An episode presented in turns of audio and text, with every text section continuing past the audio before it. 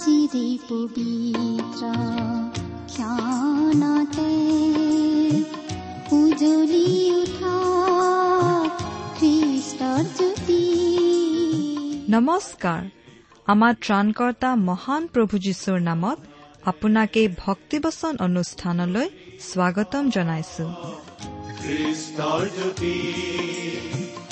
আকাশ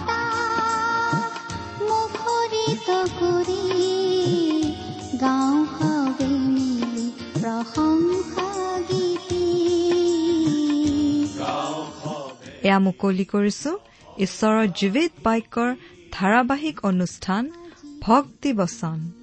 আপোনাৰ জীৱনত যদি শান্তি পাব বিচাৰে তেন্তে এয়া ঈশ্বৰৰ বাক্যৰ সান্তনা বাক্য ভক্তি বচন। গতিকে আহক আজিৰ শিক্ষা শুনো।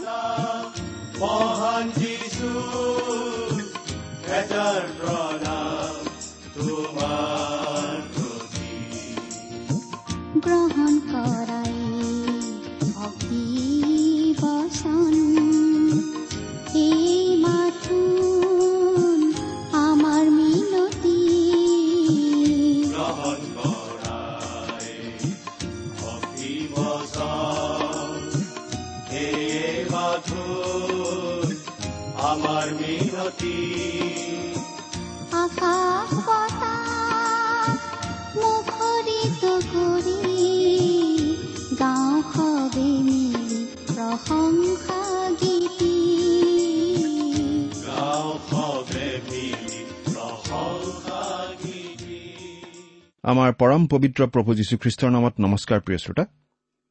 আপোনাৰ ভালনে বাৰু? আশা কৰোঁ মহান পিতা পৰমেশ্বৰৰ মহান অনুগ্ৰহত আপুনি ভালে কুশলে আছে। প্ৰিয় শ্ৰোতা আমি আমাৰ চিনাকি লোকসকল আমি ভালপোৱা লোকসকল সদায় ভালে কুশলে থকাটো নিবিচাৰোনে বাৰু? আমাৰ আত্মীয় স্বজন বা আমাৰ বন্ধু বান্ধৱ সকলো ভালে থকাটো আমি বিচাৰোঁ নহয় জানো? ঈশ্বৰেও আচলতে আমি ভালে কুশলে থকাটো বিচাৰে অনন্তকালৰ বাবে। তাৰ ব্যৱস্থা তেওঁ কৰিছে তেওঁৰ একেজাত পুত্ৰ যীশুখ্ৰীষ্টৰ জৰিয়তে। আৰু সেই সকলোবোৰ কথা আমি আমাৰ এই অনুষ্ঠানৰ যোগেৰে সহজ সৰলভাৱে আলোচনা কৰিবলৈ সদায় চেষ্টা কৰি আহিছো। আৰু এই অনুষ্ঠান শুনি বহুতো লোকে জীৱনত নানা ধৰণে উপকৃত হোৱা বুলিও আমাক জনায়। আপোনাৰ বাৰু মতামত কি? অনুগ্ৰহ কৰি আমাক জানিবলৈ দিবনে? আমালৈ দুষাৰিমান চিঠি পত্ৰৰ যোগেদি আপোনাৰ বক্তব্য আগবঢ়াবনে? আমাৰ ঠিকনা? ভক্তিবচন টি ডব্লিউ আৰ ইণ্ডিয়া ডাক বাকচ নম্বৰ সাত শূন্য গুৱাহাটী সাত আঠ এক শূন্য শূন্য এক। Bhaktibachan T W R India post box number seventy Guwahati seven eight one zero' zero' one. আমাৰ website W W W dot radio' eight eight two dot com প্ৰিয় শ্ৰোতা যদিহে আপুনি আমাৰ এই ভক্তিবচন অনুষ্ঠানটো নিয়মিতভাৱে শুনি আছে তেনেহলে আপুনি এই কথাটো নিশ্চয় জানে যে আমি আজি কিছুদিনৰ পৰা বাইবেলৰ পুৰণি নিয়ম খণ্ডৰ ছফনীয়া ভাৱবাদীৰ পুস্তক নামৰ পুস্তকখন অধ্যয়ন কৰি আছো। নহয় জানো? যোৱা অনুষ্ঠানত এই ছফনীয়া ভাৱবাদীৰ পুস্তকৰ এক নম্বৰ অধ্যায়ৰ তেৰ নম্বৰ পদৰ পৰা দুই নম্বৰ অধ্যায়ৰ দুই নম্বৰ পদলৈকে আমি আলোচনা আগবঢ়াইছিলো। আপুনি শুনিছিল নিশ্চয়। গতিকে আজিৰ অনুষ্ঠানত আমি দুই নম্বৰ অধ্যায়ৰ তিনি নম্বৰ পদৰ পৰা আলোচনা আগবঢ়াই নিম। ছফনীয়া ভাৱবাদীৰ পুস্তক বাইবেলৰ পুৰণি নিয়ম খণ্ডৰ। আপুনি এহেজাৰ ষোল্ল নম্বৰ পৃষ্ঠা উলিয়াই ল'লে। আজিৰ এই আলোচ্য পাঠখিনি বিচাৰি পাব। এহেজাৰ ষোল্ল নম্বৰ পৃষ্ঠাত। কিন্তু আহক আমাৰ আজিৰ আলোচনা আৰম্ভ কৰাৰ আগতে খন্তেক প্ৰাৰ্থনাত মূৰ্ণত কৰোঁ হওক স্বৰ্গত থকা অসীম দয়ালু পিতৃ ঈশ্বৰ তোমাৰ মহান নামৰ ধন্যবাদ কৰোঁ।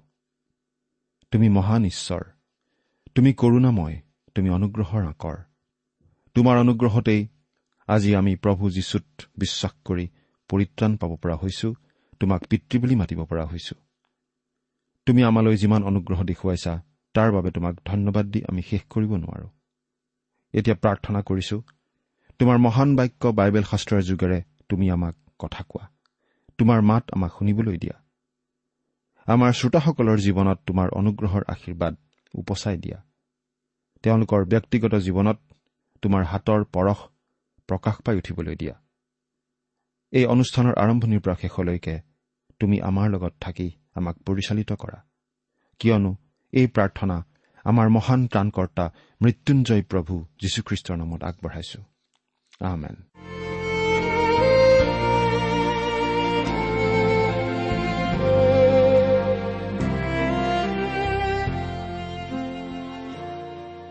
প্ৰিয় শ্ৰোতা ঈশ্বৰে যিহুদী লোকসকলক শাস্তি দিবলৈ আগবঢ়া জানিব পাৰি।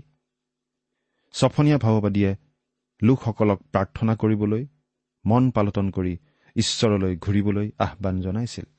সেই কথা আমি দুই নম্বৰ অধ্যায়ৰ এক আৰু দুই নম্বৰ পদত বিশেষভাৱে পাইছিলো। আহক এতিয়া দুই নম্বৰ অধ্যায়ৰ তিনি নম্বৰ পদটো পাঠ কৰোঁ। ইয়াত কি লিখা আছে চাওঁ। জিহুৱাৰ শাসন প্ৰণালী পালন কৰোতা হে পৃথিৱীৰ আটাই নম্ৰ লোকবিলাক তেওঁক বিচাৰা। ধাৰ্মিকতা বিচাৰা নম্ৰতা বিচাৰা। কিজানি জিহুৱাৰ ক্ৰোধৰ দিনা তোমালোকে লুকাই থাকিবলৈ পাবা? জিহুৱাৰ শাসন প্ৰণালী পালন কৰোতা হে পৃথিৱীৰ আটাই নম্ৰ লোকবিলাক তেওঁক বিচাৰা। যিহুদী জাতিৰ মাজত সদায়েই এদল অৱশিষ্ট লোক আছিল যিসকলে ঈশ্বৰৰ বাধ্য হৈ চলিছিল। তেনেদৰে খ্ৰীষ্টীয় মণ্ডলীতো এদল লোক থাকে বিশ্বাসত থিৰে থকা লোক। আমি ভাবোঁ যিকোনো মণ্ডলীতেই এনে প্ৰকৃত বিশ্বাসী লোক থাকে। এই পৃথিৱীত সকলো যুগতেই এনে এদল ঈশ্বৰভক্ত লোক থাকে। আৰু ইয়াত ইছৰাইল জাতিৰ মাজত থকা এনে ঈশ্বৰভক্ত লোকসকলক উদ্দেশ্য কৰি কথাবোৰ কোৱা বুলি আমি অনুমান কৰিব পাৰোঁ। ধাৰ্মিকতা বিচাৰা। সেই অৱশিষ্ট লোকসকলো সাৱধান হ'ব লাগে। তেওঁলোকে কেনেদৰে জীৱন ধাৰণ কৰে সেই বিষয়ে। নম্ৰতা বিচাৰা। তেওঁলোক উগ্ৰ গৰ্বী আৰু নিজক লৈ সন্তুষ্ট থকা লোক হ'ব নালাগে কাৰণ সেইটোৱেই আছিল জাতিটোৰ এটা ডাঙৰ পাপ। আজি খ্ৰীষ্টীয় বিশ্বাসীসকলৰ ক্ষেত্ৰতো এনেধৰণৰ বিপদ আছে। এজন লোকে মন্তব্য কৰিছিল যে আমাৰ মাজত জাতিৰ গৌৰৱ মুখমণ্ডলৰ গৌৰৱ আৰু অনুগ্ৰহ প্ৰাপ্তিৰ গৌৰৱো থাকিব পাৰে। কিছুমান মানুহে আনকি তেওঁলোক অনুগ্ৰহৰ দ্বাৰাই পৰিত্ৰাণ পোৱা কথাটোক লৈয়েই গৌৰৱ কৰে। সেই কথাটোক লৈয়েই গৌৰৱ কৰিব লাগে বুলি তেওঁলোকে ভাবে। তেওঁলোকে ভাবে যে তেওঁলোক যিহেতু পৰিত্ৰাণ পোৱা লোক গতিকে তেওঁলোক ঈশ্বৰৰ কিবা বিশেষ ধৰণৰ লোক ঈশ্বৰৰ আছুতীয়া ধৰণৰ লোক। কিন্তু প্ৰিয় শ্ৰোতা আমাৰ আচলতে গৌৰৱ কৰিবলগীয়া একোৱেই নাই। যদিহে পাচনি পৌলৰো গৌৰৱ কৰিবলগীয়া একো নাছিল তেনেহলে আমাৰো নিশ্চয় গৌৰৱ কৰিবলগীয়া একো নাই। আমি খ্ৰীষ্টীয় বিশ্বাসী হিচাপে ঈশ্বৰৰ সন্তান বুলি গৰ্ব কৰা উচিত নহয়। বৰং এই কথাটোৰ কাৰণে আমি অধিক নম্ৰহে হোৱা উচিত। ইয়াত ছফনীয়াই কৈছে ধাৰ্মিকতা বিচাৰা নম্ৰতা বিচাৰা। কিয়? কিজানি জিহুৱাৰ ক্ৰোধৰ দিনা তোমালোকে লুকাই থাকিবলৈ পাবা। সেই চিৰস্থায়ী শিলা খ্ৰীষ্টৰ আশ্ৰয়ত লুকাই থাকিব পৰাটো আৰু তেওঁৰ দেউকাৰ তলত নিৰ্ভয়ে আশ্ৰয় ল'ব পৰাটো অতি সুন্দৰ আশীৰ্বাদৰ কথা। ঈশ্বৰৰ সন্তানসকলে এই কথাটো মনত ৰখা উচিত। খ্ৰীষ্টীয় বিশ্বাসীসকল যদিও ভৱিষ্যতে আহিবলগীয়া সেই মহাক্লেশৰ মাজেৰে পাৰ হ'বলগীয়া নহ'ব। তাৰ আগে আগেই যদিও তেওঁলোকক এই পৃথিৱীৰ পৰা উত্তোলিত কৰি লৈ যোৱা হ'ব তথাপি খ্ৰীষ্টীয় বিশ্বাসীসকলে সেই যিহুদী লোকসকলৰ নিচিনাকৈ নানা ধৰণৰ শাস্তি দণ্ড আৰু নানা প্ৰকাৰৰ দুখ ক্লেশৰ মাজেদি এই জীৱনত পাৰ হ'ব লগা হ'ব পাৰে। জিহুদা দেশ যদিও মহাক্লেশৰ মাজেদি জিহুৱাৰ ভয়ংকৰ দিনৰ মাজেদি পাৰ হ'ব লগা হোৱা নাছিল। কিন্তু তেওঁলোকে অলপ কম ক্লেশৰ মাজেদি পাৰ হ'ব লগা হৈছিল। আমি সকলোৱে এই জীৱনত অলপ হলেও দুখ ক্লেশ ভোগ কৰিব লাগিব। পাচনি পৌলে কৈছিল যে তেওঁ এই মৰ্ত্য দেহত কেঁকাই আছিল।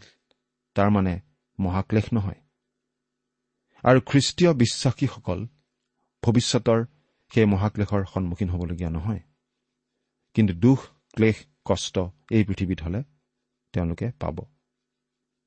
এতিয়া আমি তিনি নম্বৰ অধ্যায়ৰ আঠ নম্বৰ পদ পৰ্যন্ত পাম পৃথিৱীৰ জাতিসমূহৰ সোধ বিচাৰৰ বিষয়টো। এই শাস্ত্ৰাংশই এই কথা দেখুৱায় যে ঈশ্বৰে এই পৃথিৱীৰ সকলো জাতিৰ সোধ বিচাৰ কৰে। বাইবেলৰ ঈশ্বৰ এজন স্থানীয় দেৱতা নহয়।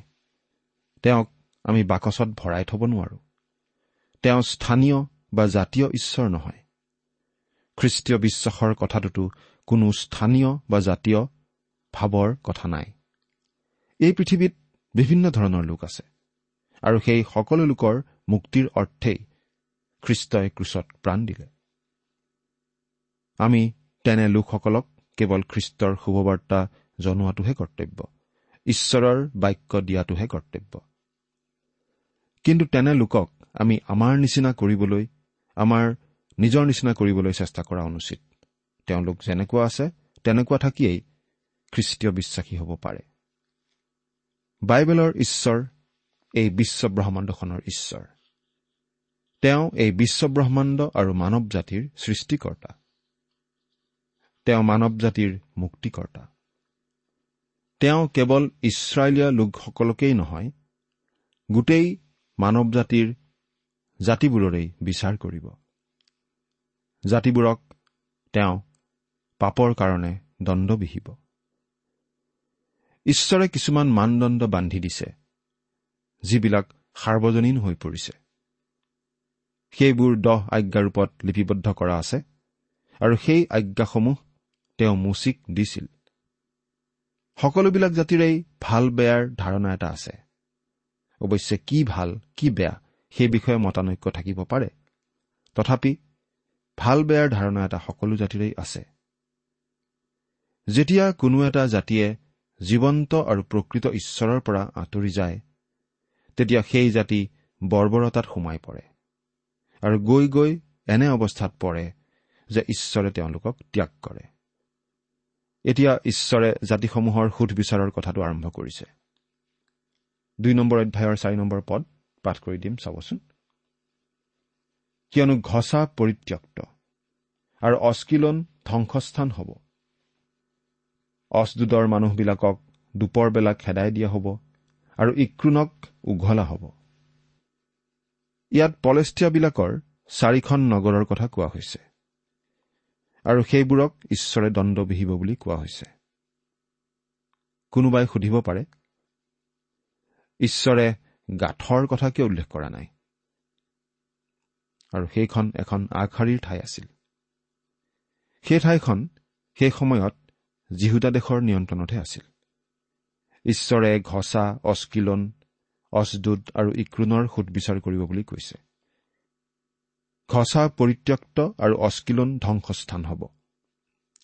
আজিও সেই ঘছা পৰিত্যক্ত হৈ আছে আৰু অস্কিলন ধ্বংসস্থান হৈয়ে আছে। অস্কিলন বুলি আজি তাত ঠাই এখন আছে যদিও পুৰণি অস্কিলনখন নহয়। পুৰণি ঠাইখন সাগৰৰ পাৰতহে আছিল। সেই ভগ্ন নগৰত দাগুন দেৱতাৰ মন্দিৰৰ ভগ্ন অৱশেষ এতিয়াও দেখা যায়। অচদুদৰ মানুহবিলাকক দুপৰবেলা খেদাই দিয়া হ'ব। অচদুদৰ মানুহবিলাকক সঁচাকৈ খেদি পঠোৱা হৈছিল আৰু সেই ঘটনা ঘটিছিল দুপৰ বেলা। প্ৰায়বোৰ ঠাইতেই ভৰ দুপৰীয়া বাৰটামান বজাৰ পৰা দুটামান বজালৈ আনকি দোকান পোহাৰ আদিও বন্ধ থাকে। ৰাতি হয়তো নটা দহটা বজাতো দোকান খোলা থাকিব পাৰে কিন্তু সেই ভৰ দুপৰীয়া দোকান প্ৰায়েই বন্ধ থাকে নহয় জানো? অচদুত আছিল অতি গৰম ঠাই। ভৰ দুপৰীয়া যথেষ্ট গৰম হয়। ছফনীয়াই কৈছে যে সেই অচদুত ধ্বংস হ'ব আৰু তেওঁলোকক খেদি পঠিওৱা হ'ব ভৰ দুপৰ বেলা অৰ্থাৎ তেওঁলোক একেবাৰে অপ্ৰস্তুত হৈ থকা অৱস্থাতে তেওঁলোকক শত্ৰুৱে আক্ৰমণ কৰিব। অচদুত সম্পূৰ্ণৰূপে পৰাস্ত হৈছিল। আজি সেই অঞ্চল ইছৰাইলৰ অধীনত। তাত উচ্চ উচ্চ অট্টালিকা সাজিছে তেল শোধনাগাৰ সাজিছে তাতে এটা বন্দৰো আছে। সেই বন্দৰ এতিয়া এটা প্ৰধান বন্দৰ হৈও পৰিছে। কিন্তু সেই সময়ত সেই ঠাই সম্পূৰ্ণৰূপে ধ্বংস কৰি চফা কৰি দিয়া হৈছিল। তাত কোনো ধ্বংসাৱশেষ আৰু নাই। ইক্ৰুণক উঘলা হ'ব। ইক্ৰুণক উঘালি পেলোৱা হৈছিল। সম্পূৰ্ণৰূপে নিশ্চিন্ন কৰি পেলোৱা হৈছিল। পাঁচ নম্বৰ পদ। সমুদ্ৰতীৰ নিবাসী কৰেথিয়া জাতিৰ সন্তাপ হ'ব। হে পলেষ্টিয়াবিলাকৰ দেশ কণান জিহুৱাৰ বাক্য তোমাৰ বিপক্ষ। কোনো নিবাসী নথকাকৈ মই তোমাক উচ্ছন্ন কৰিম। সমুদ্ৰতীৰ নিবাসী কৰেথিয়া জাতিৰ সন্তাপ হ'ব। এই সকলো জাতি সাগৰৰ পাৰত বাস কৰিছিল। কৰেথিয়াবিলাক আছিল কৃতি দ্বীপৰ পৰা অহা লোক আৰু হয়তো তেওঁলোক পলেষ্টিয়া লোক আছিল। আচলতে ফিলিষ্টিন শব্দটো প্ৰব্ৰজন বুজোৱা ইব্ৰী শব্দটোৰ পৰা আহিছে। তেওঁলোক সেই দেশলৈ প্ৰব্ৰজন কৰি আহিছিল। কিছুমান লোকে প্ৰশ্ন তোলে পলেষ্টিয়াবিলাকক তেওঁলোকৰ নিজ দেশৰ পৰা খেদি পঠিয়াবলৈ ইছৰাইলীয়াবিলাকৰ কি অধিকাৰ আছিল? কিন্তু সেই দেশখন আচলতে পলেষ্টিয়াবিলাকৰ নাছিল। আচলতে পলেষ্টিয়াবিলাক সেই দেশলৈ অহাৰ আগতেই ইছৰাইলীয়াবিলাক সেই দেশত আছিল। অব্ৰাহাম ইছহাক জাকুব আৰু তেওঁলোকৰ সন্তানবিলাক সেই দেশত আগতে আছিল। তাৰ পাছত আকাল হোৱাৰ কাৰণে তেওঁলোকে মিছৰ দেশলৈ গুচি গৈছিল। আৰু সেই মাজৰ সময়ছোৱাত পলেষ্টিয়াবিলাক সেই দেশত আহি থিতাপি লৈছিল। হে কণান জিহুৱাৰ বাক্য তোমাৰ বিপক্ষ। কোনো নিবাসী নথকাকৈ মই তোমাক উচ্ছন্ন কৰিম। ঈশ্বৰে তেওঁলোকক সুধবিচাৰ কৰিব বুলি জনাই দিছে। আজি আমি আচলতে কোনো পলেষ্টিয়া লোক দেখা নাপাওঁ। তেওঁলোক নিচিন্ন হৈ গ'ল। দুই নম্বৰ অধ্যায়ৰ ছয় নম্বৰ পদটো পঢ়ো। আৰু সমুদ্ৰৰ তীৰ ভেড়াৰখীয়াবিলাকৰ ঘৰ আৰু ভেড়াৰ জাকৰ গঁড়াল থকা চৰণীয়া ঠাই হ'ব। আৰু এইদৰেই ঘটিছিল আৰু এই অৱস্থা প্ৰায় ঊনৈছশ বছৰ ধৰি চলি আছিল। সাত নম্বৰ পদ। আৰু সেই তীৰ জিহুদা বংশৰ অৱশিষ্ট ভাগৰ নিমিত্তে হ'ব। তেওঁবিলাকে তাত ভেড়াৰ জাক চৰাব আৰু সেইবোৰ অস্কিলোনৰ ঘৰত গধূলি শুব। কিয়নো তেওঁবিলাকৰ ঈশ্বৰ জিহুৱাই তেওঁবিলাকৰ বিচাৰ ল'ব আৰু তেওঁবিলাকৰ বন্দী অৱস্থা পৰিৱৰ্তন কৰিব। ঈশ্বৰে এই প্ৰতিজ্ঞা কৰিছিল যে তেওঁ ইছৰাইলীয়া লোকবিলাকক বন্দী অৱস্থাৰ পৰা পুনৰ ঘূৰাই আনিব আৰু পলেষ্টিয়াত পুনৰ সংস্থাপিত কৰিব। এই অঞ্চল ঈশ্বৰে অব্ৰাহামক দিম বুলি প্ৰতিজ্ঞা কৰা অঞ্চলৰ এটা অংশ। অৱশ্যে এই প্ৰতিজ্ঞাটো ভৱিষ্যতেহে সম্পূৰ্ণৰূপে ফলিয়াব যেতিয়া ইছৰাইলীয়া লোক ঈশ্বৰৰ অধীনত প্ৰকৃত অৰ্থত সেই অঞ্চলত পুনৰ সংস্থাপিত হ'ব। এতিয়া তেওঁ পূবৰ পৰা পশ্চিম পিনৰ জাতিবিলাকৰ কথা কৈছে। আৰু এই জাতিবোৰো জিহুদা দেশৰ বাবে সংক্ৰামক ব্যাধি যেন আছিল। এতিয়া আঠ আৰু ন নম্বৰ পদ দুটা পঢ়ি দিম। মোৱাবে যি ধিক্কাৰেৰে আৰু অম্মুনৰ সন্তানবোৰে যি ভৰ্চনাৰে মোৰ প্ৰজাবিলাকক তিৰস্কাৰ কৰিলে আৰু তেওঁবিলাকৰ অঞ্চল অহংকাৰেৰে আক্ৰমণ কৰিলে মোৱাবৰ সেই ধিক্কাৰ আৰু অম্মুনৰ সন্তানবোৰৰ সেই ভৰ্চনা মই শুনিছো। সেই নিমিত্তে ইছৰাইলৰ ঈশ্বৰ বাহিনীবিলাকৰ জিহুৱাই এইদৰে কৈছে মোৰ জীৱনৰ শপত মোৱাব নিশ্চয়ে চদুমৰ নিচিনা আৰু অম্মুনৰ সন্তানবোৰ ঘমোৰাৰ নিচিনা হ'ব। চোৰাটনি লোনৰ পুং আৰু চিৰকলীয়া ধ্বংসস্থান হ'ব।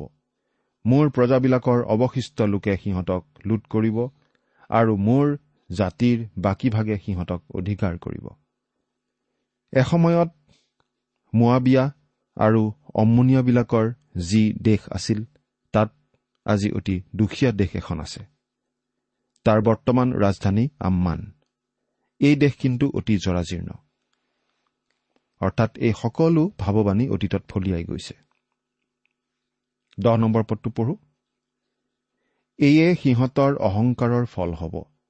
কাৰণ সিহঁতে বাহিনীবিলাকৰ যি হোৱাৰ প্ৰজাবিলাকক ধিক্কাৰ দি তেওঁবিলাকৰ বিৰুদ্ধে গৰ্ব আচৰণ কৰিলে। তেওঁলোকৰ অহংকাৰৰ বাবেই তেওঁলোকক ঈশ্বৰে দণ্ড দিব। এইবুলি কৈছিল। আচলতে ছয়তানৰ পাপৰ আৰম্ভণিও আছিল এই গৰ্ব অহংকাৰ। এঘাৰ নম্বৰ পদ জিহুৱা সিহঁতলৈ ভয়ানক হ'ব কিয়নো তেওঁ পৃথিৱীৰ আটাই দেৱতাক অনাহাৰে মাৰিব আৰু মানুহবিলাকে নিজ নিজ ঠাইৰ পৰা তেওঁক প্ৰণিপাত কৰিব। জাতিবিলাকৰ আটাই দ্বীপ নিবাসীবিলাকেও কৰিব। ঈশ্বৰে পৃথিৱীৰ জাতিসমূহৰ বিচাৰ কৰিব কাৰণ তেওঁলোকে ঈশ্বৰক অৱহেলা কৰিছে। ঈশ্বৰক স্বীকাৰ কৰা নাই। ৰুমিয়া এক নম্বৰ অধ্যায়ৰ একৈশ আৰু বাইশ নম্বৰ পদ মই পাঠ কৰি দিম। কাৰণ সিহঁতে ঈশ্বৰক জানিও তেওঁক ঈশ্বৰ বুলি তেওঁৰ গৌৰৱ কি ধন্যবাদ নকৰিলে। কিন্তু নিজৰ তৰ্ক বিতৰ্কত মিছা হৈ পৰিল আৰু সিহঁতৰ অবোধ হৃদয় আন্ধাৰময় হ'ল। নিজক জ্ঞানী দেখুৱাই সিহঁত মূৰ্খ হ'ল। আৰু তেইছ নম্বৰ পদত লিখিছে আৰু ক্ষয়শীল মানুহ চৰাই চাৰিঠেঙীয়া জন্তু আৰু উৰগ আদিৰ আকাৰযুক্ত প্ৰতিমূৰ্তিৰে সৈতে সিহঁতে ঈশ্বৰৰ মহিমা সলনি কৰিলে। এইকাৰণেই ঈশ্বৰে সেই জাতিবিলাকৰ সুধবিচাৰ কৰিব।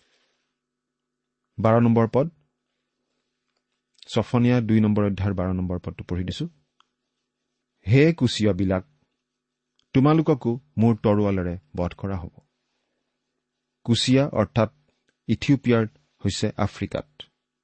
গতিকে ঈশ্বৰৰ সেই সুদবিচাৰ বিশ্ববিয়পা বুলি আমি ক'ব পাৰোঁ। তেৰ নম্বৰ পদ। আৰু তেওঁ উত্তৰ দিশৰ বিৰুদ্ধে নিজৰ হাত মেলি অচুৰক বিনষ্ট কৰিব আৰু নিনবিক ধ্বংসস্থান অৰণ্যৰ নিচিনা শুকান ভূমি কৰিব। আৰু তেওঁ উত্তৰ দিশৰ বিৰুদ্ধে নিজৰ হাত মেলি অচুৰক বিনষ্ট কৰিব। ইথিওপিয়া আছিল দক্ষিণ দিশত আৰু এতিয়া আমি উত্তৰ পিনে ঘূৰিছো আৰু দেখিবলৈ পাইছো যে অচুৰ দেশৰ সুধবিচাৰ কৰা হ'ব। ছফনীয়া ভাওবাদীৰ দিনত এই অচুৰীয়াবিলাকে গোটেই পৃথিৱীতেই খলকনি লগাই আছিল। আৰু নিনবিক ধ্বংসস্থান আৰু অৰণ্যৰ নিচিনা শুকান ভূমি কৰিব। আৰু আজি নিনবী তেনেকুৱা অৱস্থাত আছে। পুৰণি নিনবীৰ বিপৰীতে টাইগ্ৰীছ নদীৰ পাৰত আজি মচুল নামৰ নগৰ এখনহে অৱস্থিত। পুৰণি নিনবী অতি দুখ লগাভাৱে ভগ্নাৱশেষ হৈয়ে আছে। পৰিত্যক্ত অৱস্থাত আছে। চৈধ্য নম্বৰ পদ। আৰু তাৰ মাজত পশুৰ জাক আৰু সকলোবিধ বনৰীয়া জন্তু শুব। ঢেৰা চৰাই আৰু কেটেলা পহুৱে তাৰ মাথলাবোৰত ৰাতি কটাব আৰু খিৰিকীত গান কৰা শব্দ শুনা যাব। দুৱাৰ দলিবোৰৰ ধ্বংস অৱস্থা হ'ব কিয়নো তেওঁ এৰছ কাঠৰ কাৰ্য অনাবৃত কৰিলে। অৰ্থাৎ তেওঁলোকৰ ঘৰ দুৱাৰ আদি ভাঙি চিঙি চূৰ্ণ কৰা হ'ব। পোন্ধৰ নম্বৰ পদ।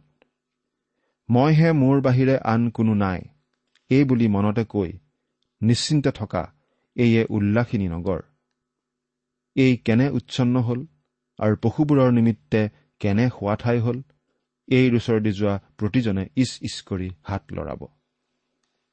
এইৰ ওচৰেদি যোৱা প্ৰতিজনে ইচ ইচ কৰি হাত লৰাব। মানুহবিলাকে আচৰিত হৈ ইচ ইচ আচ আচ কৰিব যেতিয়া তেওঁলোকে নিনবীৰ দুখ লগা অৱস্থাটো দেখিবলৈ পাব। মানুহবিলাকে ক'ব মই ভাবিছিলো চুৰীয়াবিলাক অতি শক্তিশালী জাতি। নিনবী অতি শক্তিশালী নগৰ সুদৃঢ় নগৰ। এতিয়া এই নগৰখনৰ কি দুৰৱস্থা হ'ল চোৱাচোন। মানুহবোৰে নিনবীৰ দুখ কষ্ট দুৰৱস্থা দেখি ইচ ইচ কৰিব হাত লৰাব। নিনবীৰ অৱস্থাত মানুহবিলাকে আশ্চৰ্যৰ ভাৱ প্ৰকাশ কৰিব। ঈশ্বৰে তেওঁলোকক কি ভয়ানকভাৱে শাস্তি দিলে সেই কথা দেখি তেওঁলোক অতি আচৰিত হ'ব। প্ৰিয় শ্ৰোতা ঈশ্বৰে অতীতত এনেদৰে বিভিন্ন জাতিবোৰক সুধ বিচাৰ কৰি দণ্ড দি আহিছে। শাস্তি বিহি আহিছে। আৰু আজিও তেওঁ তেনেদৰে জাতিবোৰৰ সুধবিচাৰ কৰে। প্ৰভু যীশুৱে কৈছে তেওঁ ভৱিষ্যতে এদিন পৃথিৱীৰ জাতিবিলাকৰ সুধবিচাৰ কৰিব।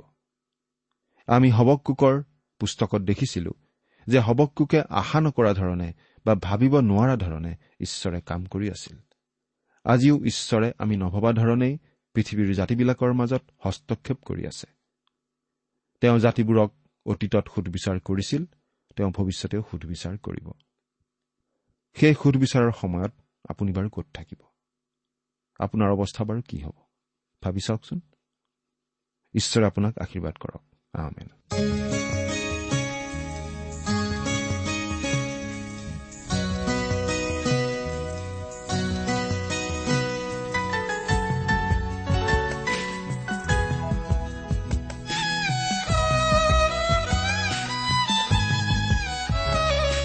হৃদয় কিয় তুমি ইমান দুখী হোৱা?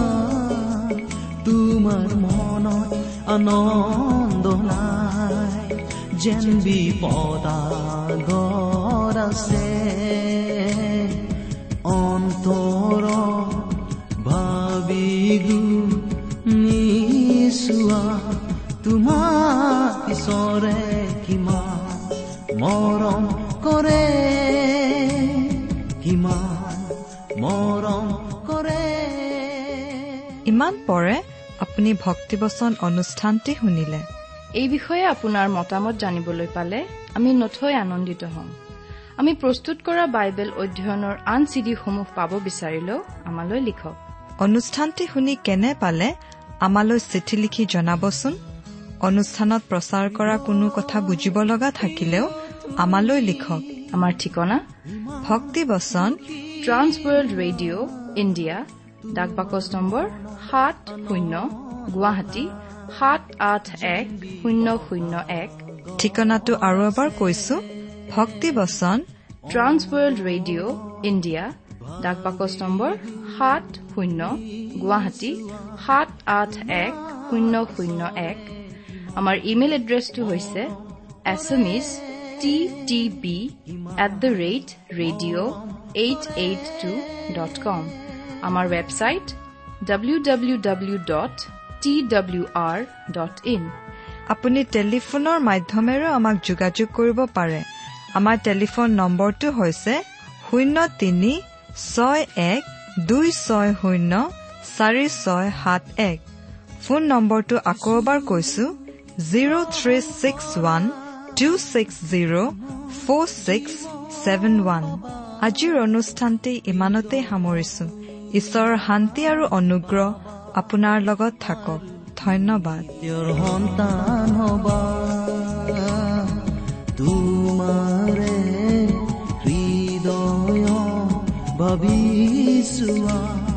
তোমাৰে ঈশ্বৰে কিমান মৰম কৰে। মৰম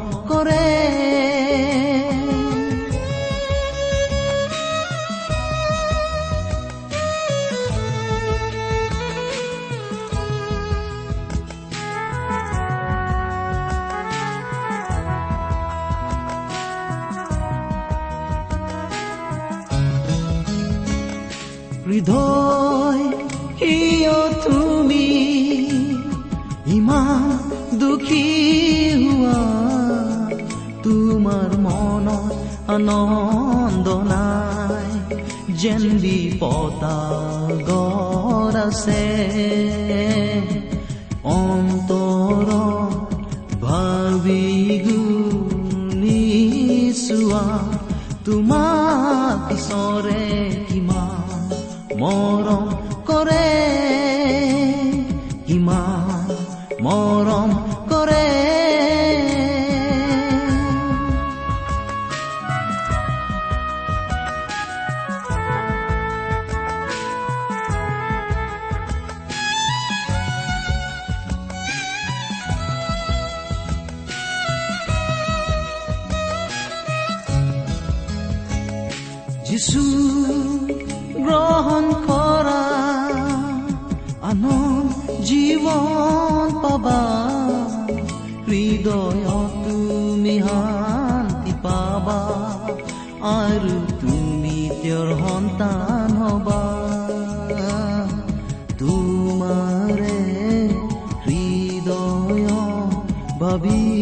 ভাবিছোৱা তোমাক ঈশ্বৰে কিমান মৰম কৰে